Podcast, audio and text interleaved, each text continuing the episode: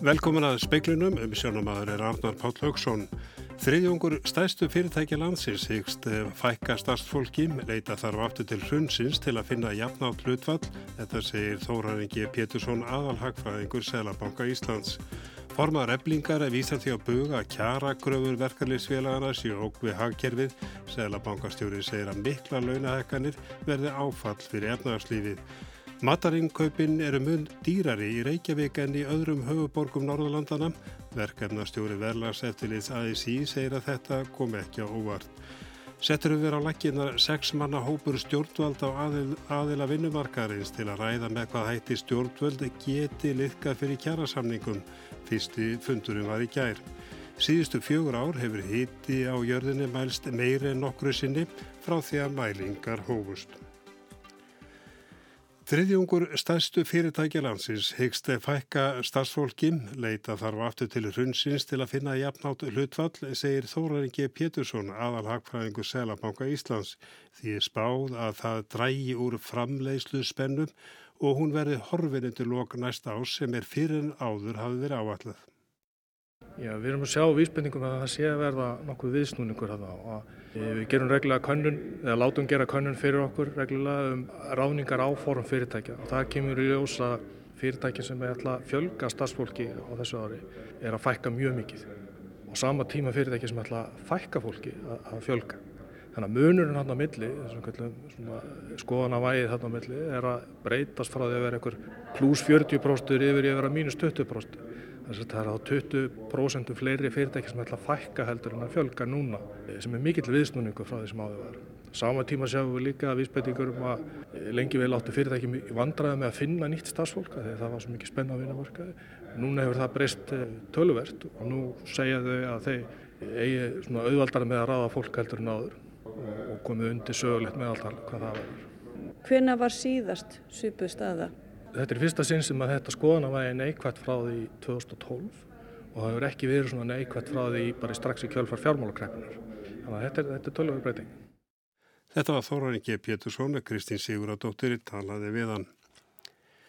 Solveig Anna Jónsdóttir formar eblingar vísa því að buga kröfur verkaleysfélagi í kjara samningunum þessu ógvi hagkerfið. Sælabankastjóri segir að verkvöld og miklar launahækkanir verði áfall fyrir efnaðarslífið.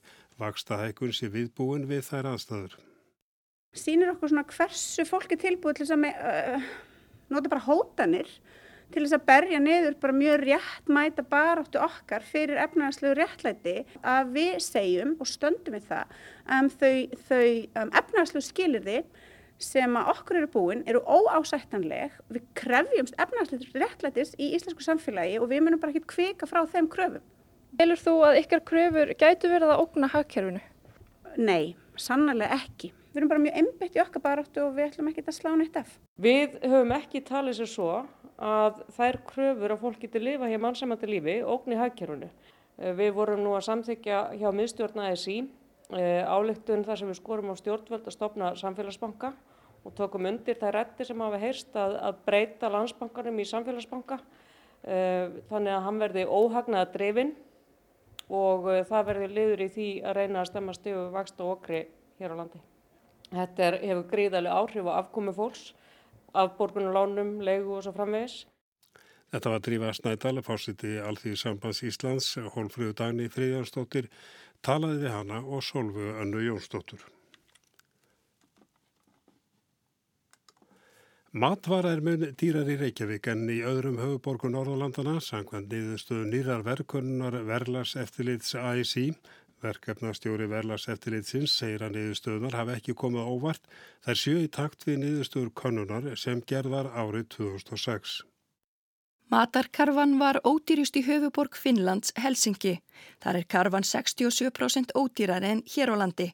Auður Alva Ólafstóttir, verkefnastjóri Verlags eftirlits ASI, segir markþættar skýringar á þessu mun sko þær breytingar sem hafa náttúrulega kannski helst orði hérna síðan árið 2006 er að vörugjöld hafa breyst og svo hafa tollar lækkað eitthvað. En við erum náttúrulega ennþá mjög, mjög háa tolla á landbúnaverur og svo er náttúrulega bara veist, þessir típisku þættir sem er svo oft talað um flutnískostnaður um, og svo bara skortur á samkjarni til dæmis og þá erum við ekki bara að tala um skort á samkjarni hjá dagvaruvarslunum, hendur líka bara hjá heilsölum og flytningsvalum. 30% munur var á matarkörfunni í Reykjavík og Óslo árið 2006, munurinn er nú 40%. Allan að hluti af skýringunni getur verið sá að, að það hafa orðið einhverja gengisbreytingar í millitíðinni uh, en svo veitum við ekki alveg hérna, hvort að verla hafi kannski eitthvað lækkað í Nóri. Könnunin var gerð 5. til 9. desember í leiðandi láföruverðsverslunum í höfuborgum Norðurlandana. Bóri var saman verð á algjöngum nesluvörum í sambarilegum verslunum. Dagni Hulda Erleðsdóttir saði frá og talaði við auði Ölfu Ólafsdóttur. Personavend hefur uh, óskað eftir því við klaustur bara að fá upptökur úr eftirlitsmyndavelum frá kvöldun í nógumber þegar þingmenn miðflóksins og flóks fólksins áttu að drikju og töluðu yllum ímsa.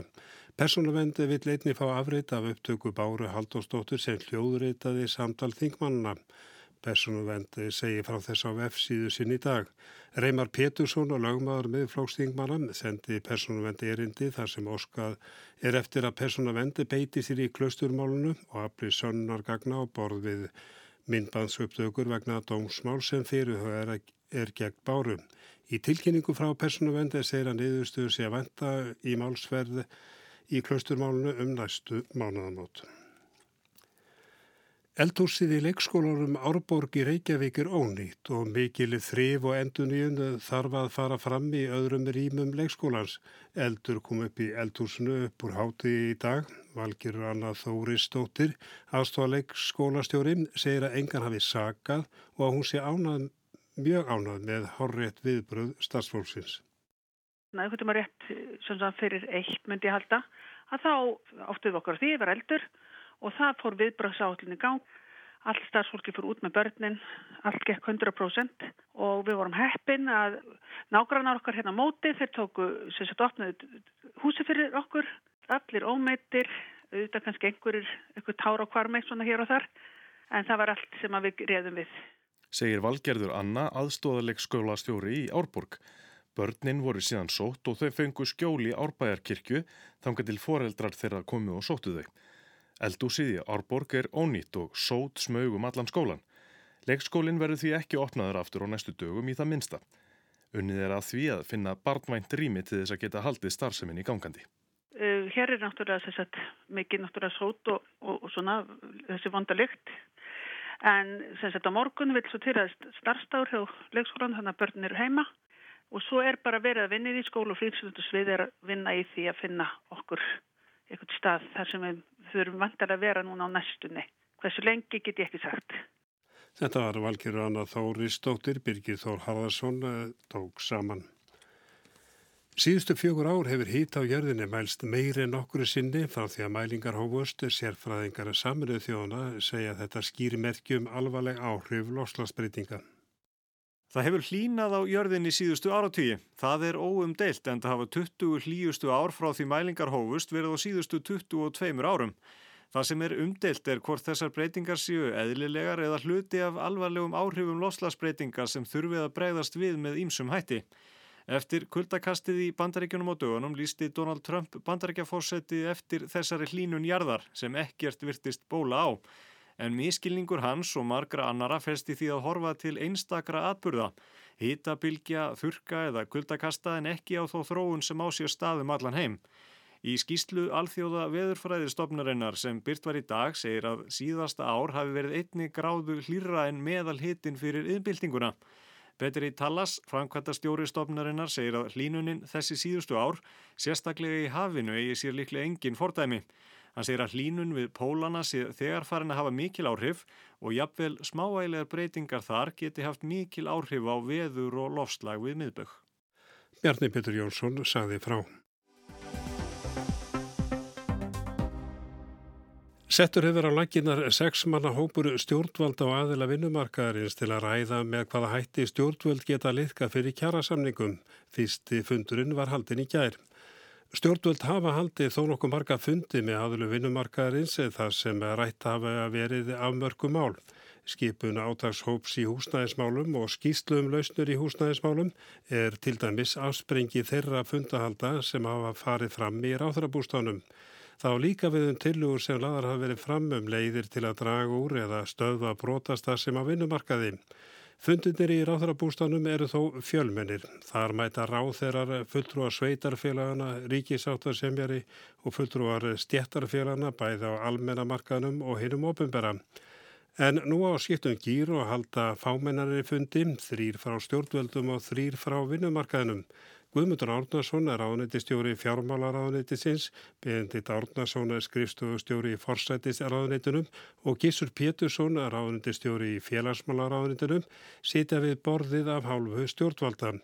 Drífa Snædal, fórsitaði sí, Sonja Ír Þorbergsdóttir, formaður BSRB og Haldur Benjamin Þorbergsson, frangvandastjóri samtaka atunlýfsins, eru fulltrúar vinnumarkaðarins. Fyrsti fundur var í gær þar sem fyrst og fremst var rætt um stöðu ofinbæra fjármála eða kannski hvert sveigrum ríkisins er. Næsti fundur verður á morgun og stemtur að því að funda tvísar í vikum næstu tvær til þrjár vikur. Þetta fundaform er talið árangusríkara en stóru fundirnir sem haldir að veri í ráþurabústanum.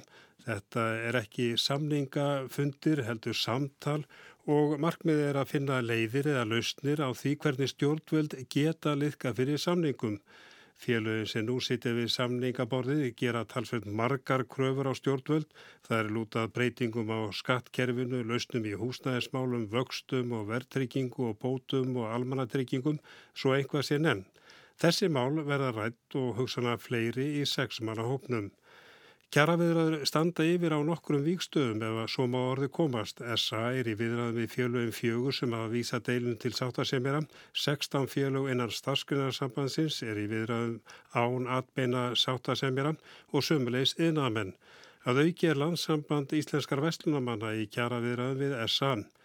Þessar viðræður eru komna mislangt á veg. Viðmælandu speilsins telja ólíklegt að einn af þessum hópum gangi frá samningum ef aðrir ger ekki slíktið sama. Allt hangi þetta saman. Bentir á að mikilvægt sé að aðkoma stjórnvalda skýrist áður en kemur að undirritun. Það er reyndar í fyrra leið því oftast hafa stjórnvöldu komið yfirlýsingu um aðgerðir vegna kjærasamninga í þann mun sem byrjar að skelli vöflur hjá ríkisáttasemjara. Ragnar Þór Ingólfsson formað vaffer sagði hátíðisvettum að næstu tværi vikur gætu ráðið úslitum. Dósent við lagadelt háskólans í Reykjavík telur mikilvægt að ákvaði verði í stjórnarskránu um framsalvals til að liðka fyrir framkvæmt ES samningsins. Aldarfjörðungur er liðin frá því að Ísland staðfesti samningin. Talsverð átök vorum hann á alþingi þegar hann var samþygtur árið 1993. Atkvæða greiðslu er lokið. Já sögðu 33, nei sögðu 23 og 7 greittu ekki atkvæði. Samningurinn er því samþyktur með 33 atkvæðum gegn 23 og frumvarpið verður sendt hæstvirtri ríkistjórn sem lög frá alþingi. Þetta var Salome Þorkilsdóttir, fórsiti alþingis 12. janúar 1993 að segja frá úslitum atkvæðagreislunar um ES-samningin, Óska var eftir nafnakalli og það kom ekki óvart að margi þingmenn vildu gera grein fyrir atkvæði sínu. Ég vænti þess að með samningu þessum muni Ísland stíga hellaspor inn í framtíðina. Ég segi því já. Samningurinn um Euróst efnaðarsvæði mun að mínu viti færa stóru því okkar Íslendinga sjáarútveinum, ný sóknarfæri og möguleika á aukinni úrvinnslu sjáaröverða samfyrir á auknum verðmætum fyrir þjóðina. Þetta var Guðjón A. Kristjánsson, þá var að þingmaður sjálfstæðisflokksins og áður heyrist í Lári Margreti Ragnarstóttur sjálfstæðisflokki. En það hvað hins vegar við nokkuð annan tón hjá Páli Pétursinni framsvonarflokki og Ragnari Arnalds alþýðubandalegi. Þetta er vondur samningur, óhagstæður og hættulegur okkur Íslandingum. Við afsölum okkur frumburðarrétti okkar Íslandinga til landsins og auðlinda þess til lands og sjávar. Þessi samningur kemur til með að færa okkur ósjálfstæði, atvinnuleysi, fátækt og auðnuleysi. Ágallar þessa samnings eru stærri og þingri á metónum en kostirnir. Með lögfestingu mikils hluta laga Evrópubandalagsins er þessi samningur afdrifaríkt skref í átt til fullrar aðildar að Evrópubandalaginu. Og anstæða samningsins töldu meðal annars að það væri verið að opna landhelgi Íslands fyrir ESB eða EB-flótonum. Við erum á að opna landhelgi Íslands fyrir flóta Evrópubandalagsins. Við heimilum erlendum aðilum kaup á íslensku landi. Saði Stefan Guðmursson framsónarflokki. Ég tel samningin um Euróst efnahagsvæði og allt sem honum fylgir ekki til hagspóta fyrir Íslendinga. Þetta var Steingrum Jó Sigfússon þá þingmaður alþýðbandalagsins á alþingi 1993.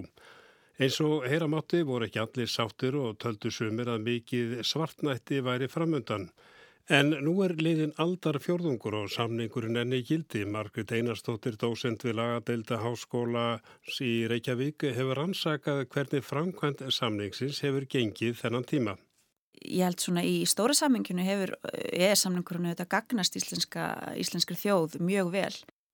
Samningurinn veitu okkur aðgang að 500 miljóna manna markaði. Íslenski ríkisborgarar geta búið hvað sem er á evróska efnaðasvæðinum, starfað og menta sig. Þegar samningur var undirreitaður voru aðeins 12 ESB-ríki og eftaríkin voru sjö. Þannig að ég held að við höfum örglega fengið mun betri samning heldur en við myndum til dæmis geta fengið í dag þegar einungis þrjú ríki eru eftir í, í EES eftirríkjunum, það er að segja Ísland, Núri og Líktenstein en aðeldríkja Europasamhansins er hún 28. Anstæðingar samningsins nú gaggrína fjölda þeirra tilskipana sem berast frá ESB sem Íslandi er gert að staðfesta. Spurningin er hvort Ísland eða stjórnkerfi hér er sér lítið til að sinna öllum þessum tilskipunum. Margrit segir að Íslendingar hafi staðið sér vel mestan hluta samningstímans. Það er til dæmis við tíanbili frá aldamótum fram til ásins 2010. En það hefur þó ekki gengið sérstaklega vel síðustu ár eða eftir hrun. Þá fór aðeins að halla undan fæti, þá fór framkvæmdi e-samnisins að ganga brjössulega. Ástæðan sem meðal annars sjálft hruni sem tók mikla orku frá stjórnsýslu og löggjafaldinum fækka var í starfsliðinu í sendiráðinu í Brussel sem hafði áhrif á hagsmunagæslu ytra. Ímislegt annað kom til, samræðsferðli við alþingi var ekki lægi og vantraust skakvar samningnum jógst sem líklega má reykja til æsseif samningsins. Ísland sóti jafnframt um aðild að ESB 2009 sem skipti þingmönum í tvær fylkingar. En ég myndi segja á svona undarfarna mánuði að þá hafi Íslands stjórnvöld, hafi Íslensku stjórnvöld tekist að snúa svolítið vörn í sókn. Þingmenn sem voru á móti í samningnum óttuðs meðal annars að hann hefði för með sér framsal á valdi. Svo umræða hefur verið viðvarandi, framsal á valdi og framsal á fullveldi en hefur Ísland framselt mikið vald á þessum tíma. Sko framsal fullveldi er seltið svona bara miskilingur. Auðvitað erum við ekkert að framsal neitt fullveldi, við erum fullvalda ríki. Um, framsal valds... Um, Jú, við framsöljum til dæmis vald til ESA til þess að fylgjast með því hvort að Íslenska ríkið sé að uppfylla skuldbundinga sína gagvart ESA-samningnum. Ef að til dæmis Ísland er ekki að gera það þá getur ESA farið með mál fyrir eftadómstólinn sem getur þá dæmt um að við höfum, syns, höfum gerst segum samningsbrot. Það fer ekkert lengra Það er ekkert hægt að sekta Ísland eða neitt, neitt slíkt þannig að við erum með svona ákveði kerfi til að reyna að láta framkvæmt samlingsins ganga vel. Nýverið var komið að fótu persónuvendar á því ESB og þar áður eftirlýstofnun á sviði fjármála eftirlýts. Spurningin er hvort aðilda þessum stofnunum fel í sér framsal á fullveldi. Nei, þetta er auðvitað ekki framsal á fullveldi því að við erum fullvelda þjóð sem að veljum að vera þáttakandur í ES-samlunum og ef við viljum það ekki þá er einfallega hægt að segja samningnum upp. Ég held að hvarl ekki á nokkru manni að halda því fram að Þískaland eða Frakland sé ekki fullvalda ríki. E, við bara veljum og höfum heimild að þjóðurétti til þess að, að taka þátt í því, því alþjóða samstarfi sem að, að við, við viljum. E, en svo það er alveg rétt að sko stjórnskipuleg álitamál þau hafa komið, þeim hefur farið fjölgandi síðustu ár og meðal annars er það vegna þess að svo kallum sér stopnunum innan ESB hefur fjölgað. Og þarna hefur við til dæmis þessar eftirlstofnanir á svið fjármálumarkaði sem þú nefndir. Að þetta eru stofnanir sem að hafa heimil til að taka bindandi ákvarðanir gagvart einstaklingum og lögæðalum þar að segja fyrirtækjum. Og á nokkuð viðfemu sviði og þetta, þegar, þessi lögju kom upp og þá um, stöldruð bæði Íslandingan og, og normenn við um, og vildu, töldu ekki stjórnarskrá hvorura landarunni heimila að þessar sérstofnanir ESB gætu tæki bindandi ákvörðunum akkord einstaklingum og lögæðalum í löndunum. Þannig að niðurstaðan málamiðlunum í þessum tilteknu málum var að það væri eftirstofnun efta sem að hefði heimildir til þess að taka þá ákvarðanir gagvart einstaklingum eða lögæðalum.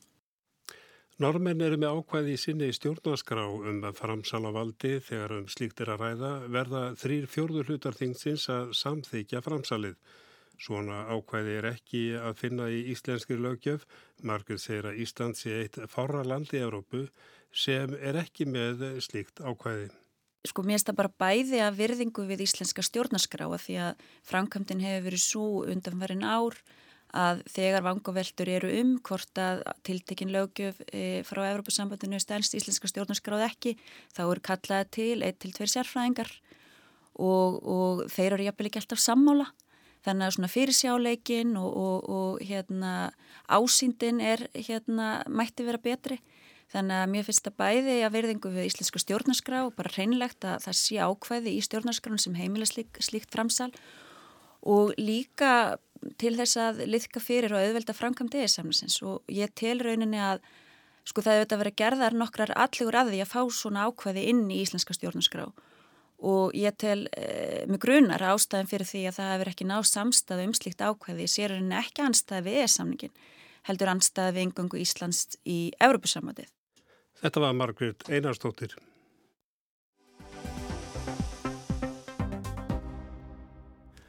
Postolín vaskar sturtubotnar, hurðir og parkett sem eru enni í plastinu. Það stóð til að fleia þess öllum en þökk sé nýri efnismiðlun góða hyrðisins á Sævarhöfða í Reykjavík var það ekki gert.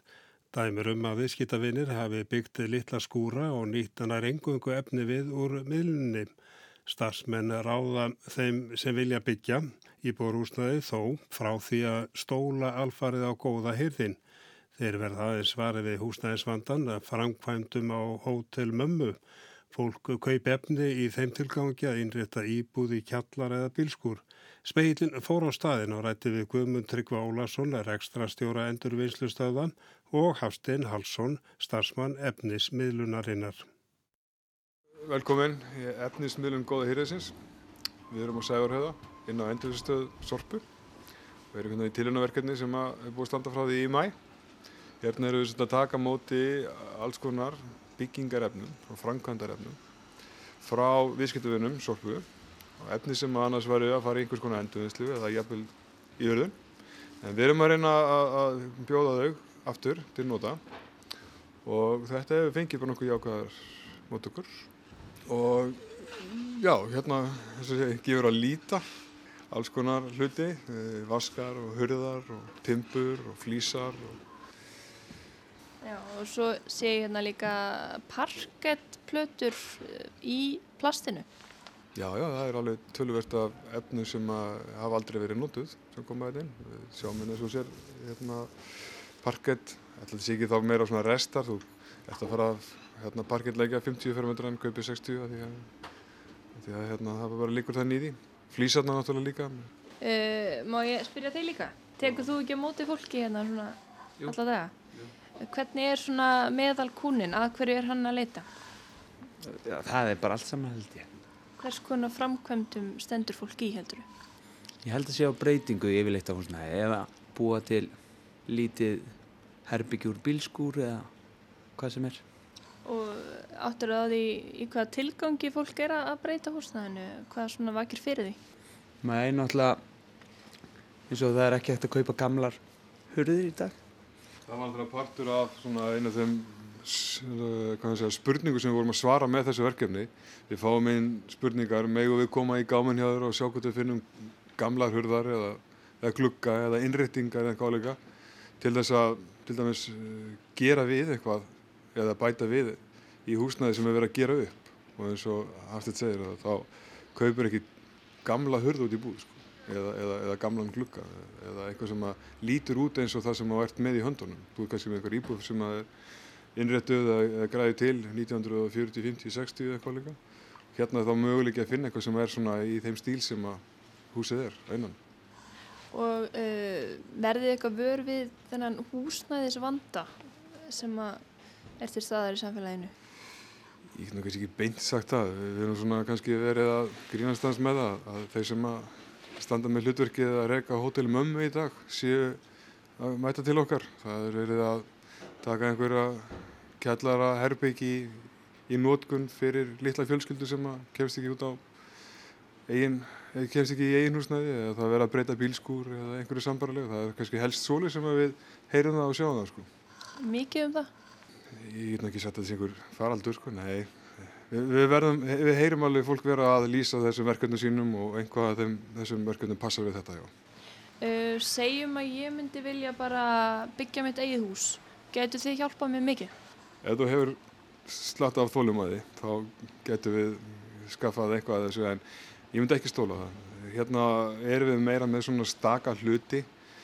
Ef þú væri að fara að byggja hús, þá þyrtur tölvöld mikið af timbri af tiltekunum gerðum og við höfum það ekki. Við erum svona, við erum ekki ennþá farin að fylla upp í eftirspurn eftir timbri til dæmis og meira magn af eins hlutum erum við svona kannski ekki alltaf að bjóða upp á sko, eins og bara til dæmis bári hátni eða, eða þess að við hefum kannski einu og eina plötu en ekki svona einhvað sem að væri í heilstæða byggingu. Sko. Þannig að það er þá kannski frekar um þetta ef að fólk vil spara sér kostnað við að kaupa nýjar hurðar eða, eða nýja vaska eitthvað svo leiðis. Já, það er þannig og svo náttúrulega verðum við varfið sagt, að fólki líka að eh, laga til í sumabústafnum eða, eða hestúsunnu og, og svo er náttúrulega líka þeir sem er ekki að byggja einhvað, það er náttúrulega fólk sem er í alls konar listgreinum, er að, er að skapa bara hluti og e, þeir sem er að setja upp leiksýningar, vantar í leikmyndir og alls konar svolítið sko. Ef þú kannski segir mér bara eins hvað svona, þessi hurð til dæmis hérna, hvað hún kostar? Já, það er allir á 2500 og ef þú ert með þann karm þá er hún á 3500 Og ef ég ætla að fá mér svona postulinn vask Hann er frá svona 1500 upp í 2000 krónur. Og kostar nýr, veistu það? Nei, ég er alveg með á hreinu. 10-20 skallar. Já. En svo fylgir náttúrulega blöndunartæki með og jafnvel borð líka. Þannig að þetta er, er svona bara ready to, to plug and play í einhverjum tilfellum. Og það var Arnildur Haldunóttir sem talaði við þá Guðmund Tryggva Ólafsson og Hafstein Halsson. En það var helst í speklingum í kvöld að þriðjungur stærstu fyrirtækja landsins hyggst fækka starfsfólkim, leita þar á aftur til hundsins til að finna jafnátt hlutfall. Þetta segir Þóraringi Pétursson, aðalhagfræðingur Sælabanka Íslands. Formaður einingar vísa því að buga kjara kröfur verkefliðsfélagana séu ógn við hagkerfið. Sælabankastjóri segir að mikla launahækkanir verði áfall fyrir efnarslífið. Matarinkaupin er mun dýrar í Reykjavík en í öðrum höfuborgum Norðalandana. Verkefnastjóri Verlagseftilits ASI segir að þetta komi ekki á óvart. Settur hefur á lækinnar sexmanna hópur stjórnvalda og aðeila vinnumarkaðarins til að ræða með hvað hætti stjórnvald geti liðkað fyrir kjærasamningum. Fyrsti fundurinn var í gær. Síðustu fjögur ár hefur hýta á jörðinni mælst meiri en nokkru sinni frá því að mælingar hófust. Og við lítum að snöggvast til veðus, norðaustan 10 til 18 metrar á sekundu, kvassast að norðvestan til, viða snjókom eða jél en úrkomi lítið á suðvestulandi, kólandi veður. Norðaustan 8 til 15 og jél á morgun en létt skíjað sunnanlands, bætri vind suðaustan til annað kvöld og líkur á jéljum atrasist og frost 0 til 9 stig mildast siðst og við minnum á sjóansfettir sem að verða á slæginu sjö en það er ekki mikið fleira í sveglinu kvöld. Tæknumar var Jón Þór Helgason verið í sæl.